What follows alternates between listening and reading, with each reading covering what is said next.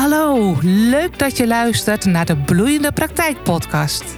Ik ben Ingrid Beersen en in deze podcast deel ik tips voor coaches en therapeuten die verlangen naar een succesvolle en bloeiende praktijk.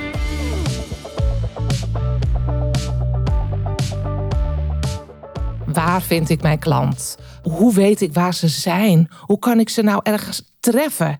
Ingrid, help. Nou, dit is vaak een vraag die ik in het begin krijg van ondernemers die net starten. Maar ik help natuurlijk ook heel veel ondernemers die al een tijdje bezig zijn en ook nog steeds worstelen met deze vraag.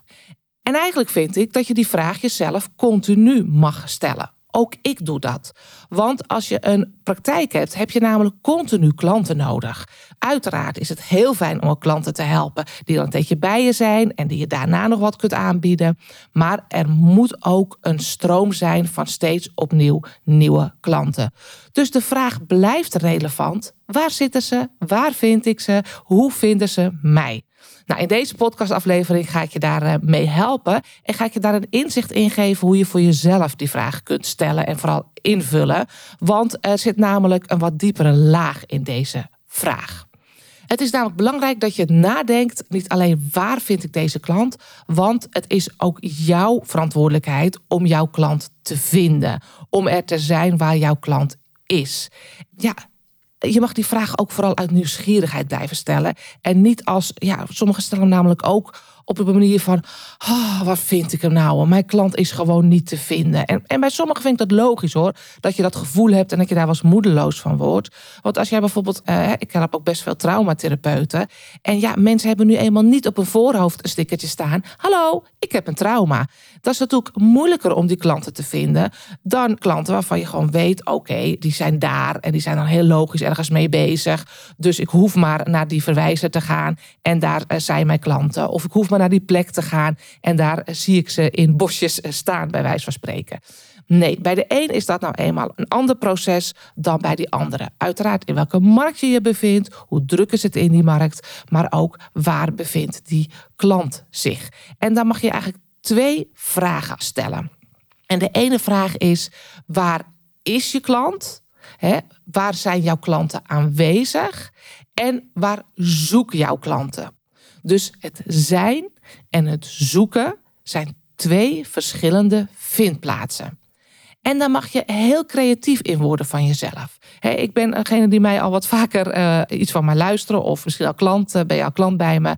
Zal ik je vaak uitdagen, een beetje onder het mom van Tom Poes, verzin een list. Want linksom of rechtsom, er is altijd een oplossing. Alleen moet je soms wat creatiever denken. Moet je misschien wat voorwerk gaan doen. Moet je het misschien al aan wat klanten vragen. Hoe ben je bij me gekomen? Of hoe heb je gezocht? Of waar ben je vaak?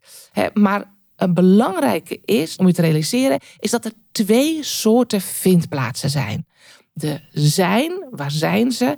En de zoeken ze. De zoeken, waar zoeken ze? Nou, waar zit nu het verschil? Ik ga het je uitleggen. Laten we beginnen met waar zoeken jouw klanten? dat is natuurlijk altijd al goed om jezelf af te vragen. Uiteraard, het is een open deur en ik ga er straks nog even wat dieper op in. Is internet vaak een plek waar mensen zoeken? Alleen bij de een zoeken ze daar wat actiever en wat gerichter op. En de ander zoekt wat minder gericht. Ga ik zo nog even verder op. Maar als je denkt over waar zoeken mijn klanten, moet internet eigenlijk altijd op dat lijstje staan. Maar zoeken kan dus ook zijn bij verwijzers. En verwijzers zijn altijd informele verwijzers en formele verwijzers. Wat bedoel ik daarmee? Informele verwijzers zijn mensen die niet echt, of beroepen of rollen, die niet echt een verwijzende functie hebben, maar vaak wel die rol op zich nemen. Bijvoorbeeld juffen en meesters. Zij zijn niet officieel verwijzers, maar als jouw kind leerproblemen heeft, of misschien heel erg druk is, of zelfvertrouwen aan ontbreekt, waardoor je merkt dat het niet echt lekker met je kind is, dan vraag je het meestal het snelst aan een juf of een meester. Dat zijn wat informele verwijzers. Of misschien vraag jij ook wat dingen bij je sportschoolleraar. Dat je denkt: van, ik heb toch ergens wel last van, van mijn knie. Of het afvallen lukt toch niet terwijl ik hier drie keer per week ben. Ik noem maar wat. Maar denk eens na aan welke mensen ze misschien advies vragen. kan een maatschappelijk werk zijn, het kan een schuldhulpverlener zijn, die niet per se de rol hebben van verwijzer, maar waar ze wel al misschien zijn of aanwezig zijn. Ik noem het ook wel eens voorliggende zorg. Het kan namelijk ook zijn dat iemand bij een fysiotherapeut is voor iets, voor misschien nekklachten of. Hè, maar is, is er ook wat aan de hand op het gebied van stress? En kunnen ze dus ontdekken bij de fysiotherapeut, of de fysiotherapeut ontdekt dat ook omdat hij uiteraard met je praat, dat die lichamelijk wel wat kan oplossen, maar dat er mentaal ook nog wat te doen mag zijn. Nou, als jij weet, heel vaak ontdekken ze iets als ze bij de fysiotherapeut zijn. Dus voorliggend aan mij zijn ze vaak bij een fysiotherapeut of bij een oefentherapeut of zijn ze uh, vaak in een GGZ-traject. Dan is dat dus voorliggende zorg. En mag jij dus ook van uitgaan dat mensen dus daar daar ook al wat gaan zoeken met een vragen van: hey, je lost nu wel een deeltje op, maar ik merk nog dat ik hier en daar last van, eh, van heb. Dus verwijzers zijn informeel, maar zijn dus ook formeel. En formeel, daarmee bedoel ik de huisarts, die heeft natuurlijk echt een verwijzende functie. Eh, de POH, de praktijkondersteuning, eh, steunen van de huisarts, heeft ook echt wel een verwijzende functie. Een wijkteam of een wijkteamverpleegkundige of een uh, cliëntadviseur, cliëntadviseur ouderen, geriater, nou, noem maar op. Er zijn ook een aantal die echt een verwijzende functie hebben. Nou, ga eens na bij welke verwijzers jouw klant misschien te raden gaat. Daar mag jij dus zijn. Dat is dus een vindplaats. Maar het kan ook zijn dat ze op bepaalde beurzen of zorgmarkten zijn waar ze op zoek gaan. Bijvoorbeeld gemeentes eh, houden regelmatig, nou in coronatijd is dat natuurlijk even eh, in het slop geraakt. Dus altijd weer even nagaan of het nu nog eh, speelt. Maar ze houden regelmatig een soort zorgmarkt waar zorgaanbieders zijn, waar ze mensen een beetje helpen door de bomen het bos te zien. Nou, misschien is dat een plek waar ze dus heel gericht naartoe gaan met al een beetje een, een vraag in hun achterhoofd. Dan is dus dat dus een plaats waar zij zoeken. Het kunnen ook Facebookgroepen zijn. Hè? Facebookgroepen waar lotgenoten eh, zijn, waar ze op zoek gaan naar een aantal dingen en met anderen praten. Dat zijn ook plekken waar je ze heel makkelijk kunt gaan vinden, omdat ze daar al hun zoektocht begonnen zijn. Waar mensen misschien niet echt zoeken, maar wel zijn. Dus dan zijn ze niet actief ergens mee bezig, maar daar heb je wel grote kans dat je daar meerdere mensen van je doelgroep aantreft. Dat kunnen natuurlijk plekken zijn als het schoolplein als jij vooral voor kinderen bezig bent of voor moeders die, die druk hebben, die alle ballen in de lucht houden, die er een beetje aan ten onder gaan, hun gezin en hun werk en, en dat soort dingen. Ja, die staan natuurlijk op het schoolplein. Of misschien op de voetbalclub. Of als jij vooral gericht bent op ouderen, zitten ze juist op de bridgeclub. Of misschien dat jij mensen helpt die wat meer ontwikkeling zoeken voor zichzelf, wat spiritueler zijn. Die vind je weer wat eerder op de yogaclub of mindfulness-achtige bijeenkomsten. Klanten zoeken niet op social media. Daar zoek je niet echt. Maar daar ben je vaak wel. Natuurlijk, je kan een beetje zoeken via de hashtags. Maar dat is wel een plek waar ze zijn. Alleen is het voor jou weer de vraag: hey, welke doelgroep heb ik gekozen? En op welk social media kanaal zijn ze dan? Dus ga niet als een gek op LinkedIn, Twitter, Facebook, Instagram aanwezig zijn. Maar denk ook goed naar welke doelgroep heb ik? Welke leeftijdscategorie zitten ze? Met welke pet op kijken ze? Moet ik juist op LinkedIn zijn? Of juist op Facebook? Of juist op Instagram? Maak liever één keuze daarin en zorg dat je daar gewoon goed aanwezig bent, zodat mensen sneller met jou in aanraking komen. Een andere manier om te denken over waar is mijn klant, kan bijvoorbeeld ook zijn de krant. Dat ze kranten lezen. Ze zoeken daar niet, maar elke dag lezen ze misschien wel de regionale krant. Dan kan dat voor jou een plek zijn waar jij ze kunt vinden, waar jij bij hun in het oog kunt gaan springen. Het kunnen ook beurzen zijn, dus niet echt van die, van die uh, zorgmarkten waar ik net op doelde, maar bijvoorbeeld beurzen waar zij zijn waarvan je denkt, oh, daar lopen ze heel veel rond. En misschien een spirituele beurs of misschien iets waarvan je denkt, oh, daar loopt mijn type klant wel rond.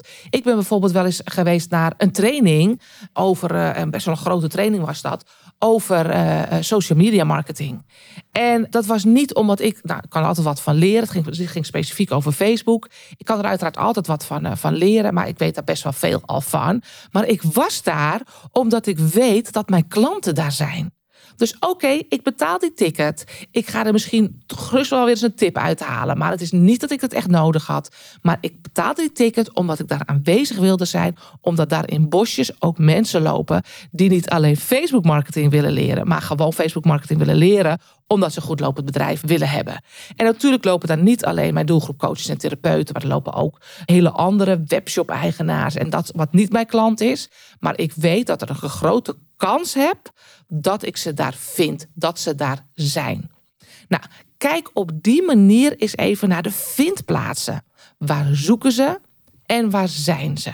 En nogmaals, het betekent niet dat ze daar dus heel eenduidig allemaal zijn. Wat ik net al aangaf bij zo'n Facebook-dag, live dag, waar ik dan eh, was, was ik natuurlijk ook aanwezig. Omdat ik eh, wist dat daar een klein, een belangrijk deel ook wel coach en therapeut is. Maar dat ik natuurlijk ook met een aantal mensen sprak die website-eigenaar waren. Waar ik dacht, nou leuk om je te leren kennen. Misschien kan ik ook weer wat van jou leren. Maar hup door naar een, andere, naar een ander contact. En daar het gesprek mee aangaan. Want dat is natuurlijk eentje, om daar even gelijk op door te gaan, eentje die altijd belangrijk is. We denken heel vaak, zeker na die coronatijd, over allerlei of online dingen. Online is heel belangrijk, maar het gaat wel een stukje langzamer. Vergeet alsjeblieft niet dat je offline ook heel veel mensen tegenkomt die misschien niet op hun voorhoofd hebben geplakt. Ik ben misschien wel jouw doelgroep, maar heel veel mensen kennen ook weer andere mensen. Dus zorg vooral dat je offline ook elke kans die daar is om even te vertellen wat je doet, kan een kans weer zijn om een klant te krijgen. Want één mens kent wel weer een paar honderd mensen. Vergis je daar niet in. Collega's, vrienden, kennissen, ook die hebben weer online misschien een aantal uh, connecties. Of zien in een Facebookgroep een oproep waardoor ze jou uh, kunnen, kunnen taggen. Als je iemand tegenkomt in de supermarkt met je hond uitlaten, aan het wandelen, op de sportclub en die vraagt: Wat doe jij eigenlijk? Pak dan je kans en leg het heel kort en krachtig uit. Ik ben Ingrid Beersen en dan vertel je wat ik doe, voor welke doelgroep en wat ik help om ze op te lossen. In drie zinnen. In mijn training heb ik er altijd een masterclass over hoe je een hele korte krachtige pitch kunt eh, neerzetten. In drie of vier zinnen belast je de mensen niet mee, maar hebben ze bam in één keer heel duidelijk wat jij doet. En dan kan het heel vaak zo lopen dat iemand dan zegt: Oh, wat interessant. Dat is misschien ook wel wat voor mijn zus. Of mijn vriendin die zoekt iets. hey, vertel eens. Of uh, heb je een kaartje? Of nou, voordat je het weet, raak je in uh, gesprek. En denken ze ook weer één of twee dagen later aan je, als ze dan eens een keer nog iemand tegenkomen. Dus vergis je niet dat de kracht van de toevallige ontmoeting, van offline, van gewoon even kort in drie zinnen vertellen als iemand vraagt: Wat doe je eigenlijk in het dagelijks leven? Ik kort in drie zinnen vertellen wat je doet, dat je die ruimte altijd mag pakken, omdat daar ook al klanten uitgemaakt eh, kan worden. Nou, nog even terug naar de zoekplaats internet. Dan kan je denken, ja, Ingrid, open deur. Hè? Mensen zoeken op internet. Maar daar is wel eventjes goed dat je daar voor jezelf het volgende nagaat. Want zoeken, ja, dat doet sommige mensen binnen jouw doelgroep, of dat doet de ene doelgroep meer en actiever dan de andere. Nou, laat ik het even bij mezelf houden. De doelgroep die ik heb, coaches en therapeuten, zorgondernemers, zijn nou niet de ondernemers die dachten: oh wow, ik ga die methodiek leren, want er is een gat in de markt dik vet geld. Yes. Jullie zijn bijna allemaal, en mijn doelgroep, jij denk ik ook, begonnen met iets dat je denkt, oh, dit is super gaaf. Dit wil ik gaan doen. Dit wil ik graag mensen gaan mee gaan helpen. Of je hebt zelf een ervaring gehad dat je denkt, oh, dit heeft mij zo geholpen. Vind ik zo interessant. Ik ben me er gaan in verdiepen. Ik heb er ook opleidingen in gehad. En nu kan ik andere mensen helpen. Het is eigenlijk altijd vanuit een passie of een drive of, of vanuit uh, graag mensen willen helpen, met mensen willen werken, dat jij je vak bent gaan doen. Niet het gat in de markt, ik wil ondernemer worden en nu ga ik zoeken waar ik op de snelste manier geld kan verdienen. Nee, daar is niks, ook niks mis mee hoor. Als je dat wil, prima. Maar het is niet mijn doelgroep. Daarom heb ik niet heel veel aan bijvoorbeeld adverteren op internet. Dus Google AdWords heet dat. Google Ads omdat mijn doelgroep. Ik, ik zat laatst, of laatst was al eventjes geleden, bij een brandsvereniging van, uh, van oefentherapeuten. Mocht ik voor een zaal uh, spreken. En toen vroeg ik van, hoeveel van jullie voelen zich ondernemer? En ik denk dat er iets van 80, 90 mensen zat. En, nou, ik denk dat er maar 10 mensen hun hand opstaken. Echt een heel klein percentage. Ook ik schrok daar nog wel eventjes van. Maar ook vond ik het ook wel weer reëel. Want dit is wel wat ik zie heel veel coaches en therapeuten voelen zich in eerste instantie helemaal geen ondernemer. Sterker nog, vaak de branchevereniging of de opleider zegt heel vaak van, nou, als je goed bent in je vak, dan komt het vanzelf. Mond-tot-mond reclame is het beste, bla bla bla bla. Totdat ze denken, het gaat helemaal niet zo makkelijk. Het klopt helemaal niet wat ze zeggen. Ik moet ook wat aan gaan doen om klanten aan te trekken. En ik heb een marketingplannetje nodig. Of, of uh, je wordt gebeld door zo'n bureau die zegt, nou, we moeten zorgen dat je website makkelijker gevonden wordt. Maar dit geldt dan. En dit geldt dus ook bij mijn doelgroep. Mijn doelgroep zoekt niet op ondernemerscoach voor de zorg, ondernemerscoach voor mijn praktijk. Tuurlijk, een percentage wel. Daarom heb ik ook wel Google-advertenties lopen. Maar ik zet er niet heel veel geld op in. Ik zet er niet heel veel pijlen op omdat mijn klanten nog al even een padje te gaan hebben, een paadje te lopen hebben, voordat ze zich realiseren. Misschien heb ik wel een ondernemerscoach of een ondernemersopleiding nodig. Want ik kan nog zo goed zijn in mijn vak, maar het is geen garantie voor een goede praktijk. Dus daar moet nog heel wat awareness komen. Oftewel, ik mag zaadjes planten. Iemand zei het heel mooi laatst. Planting seeds of change. Ik mag nog wat zaadjes planten bij mijn doelgroep. Voordat ze het besef hebben. Oké, ik ben hier misschien nog onbekwaam in. Dus ze moeten bewust onbekwaam worden voordat ze bij mij instappen. Eerst bewust dat ze het nodig hebben en dan bewust dat ze dit zomaar gaan redden met een paar gratis webinars. Dus dat is wel heel belangrijk om te weten hoe ze zoeken op het internet en of het voor jou dus uh, biedt om met Google adverteren in zee te gaan of met van die bureaus die jouw website hoger laten scoren in Google. Want misschien is dat helemaal niet relevant voor jouw doelgroep. Bij mijn doelgroep dus voor een klein, heel klein percentage relevant. Dus zet ik daar niet al mijn energie en op in. Maar ben jij bijvoorbeeld een relatietherapeut? Nou, de meeste mensen die een issue hebben in hun relatie, weten daar ook wel, dit gaat ons niet lukken, hè, want we vechten elkaar de tent uit. En, en, en juist omdat we zelf onderdeel ervan zijn, gaat het ons niet lukken. We hebben een relatietherapeut nodig. Dus die zoeken vaak wat gerichter op relatietherapeut. Dus dan is Google adverteren en gericht aanwezig zijn op het internet op die manier wel wat relevanter. Daar ga je wel eh, business uithalen. Niet 100%, maar zou ik wel adviseren om daar zeker mee aan de slag te gaan. Een traumatherapeut kan dat ook. Hè? Als je echt, echt weet van ik heb een trauma, trauma met een grote T. Hier moet ik nu wat mee, want ik loop er te lang mee. Ik loop er te lang tegenaan. Dan is Google Ads, hè, traumatherapeut Rotterdam, is hartstikke relevant. Maar ook altijd realiseren dat mensen die echt gericht zoeken en die je vangt met een advertentie, zijn ook mensen die er al helemaal klaar voor zijn. Ook als je tussen een doelgroep hebt waarvan je weet, nou ik weet dat deze wel echt zoeken op een bepaald zoekwoord, dan geldt nog dat niet iedereen er altijd helemaal klaar voor is. Slechts 5 tot 10 procent van jouw markt is er klaar voor dat als die koekelen op je website komen en ook iets hebben van oké, dit ga ik doen, die zal je zeker vangen, maar ook dan heb je het vaak nodig dat je meer dingen moet inzetten. Dus denk goed na is het zo. Dus als je mensen helpt met die het moeilijk vinden omdat ze nu op kruispunt staan in hun leven en, en kinderen zijn het huis uit en eh, ze zijn er vooral heel veel voor anderen. Ze houden alle ballen in de lucht. Ze voelen dat ze eraan ten onder gaan. Zijn een beetje hun eigen identiteit kwijtgeraakt omdat ze juist heel vaak klaarstaan voor anderen. Ja, die hebben niet echt een duidelijk zoekwoord waar ze op zoeken.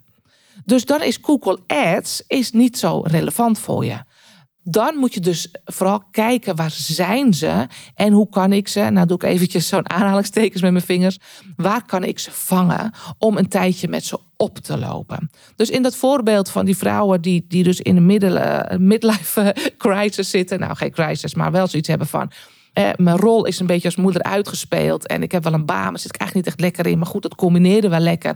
Nu wordt het mijn tijd. Maar ik ben gewoon echt helemaal kwijt wat ik nou helemaal eigenlijk wie ik ben en wat ik, eh, wat ik wil. Dan is het handig om te denken, waar zijn ze?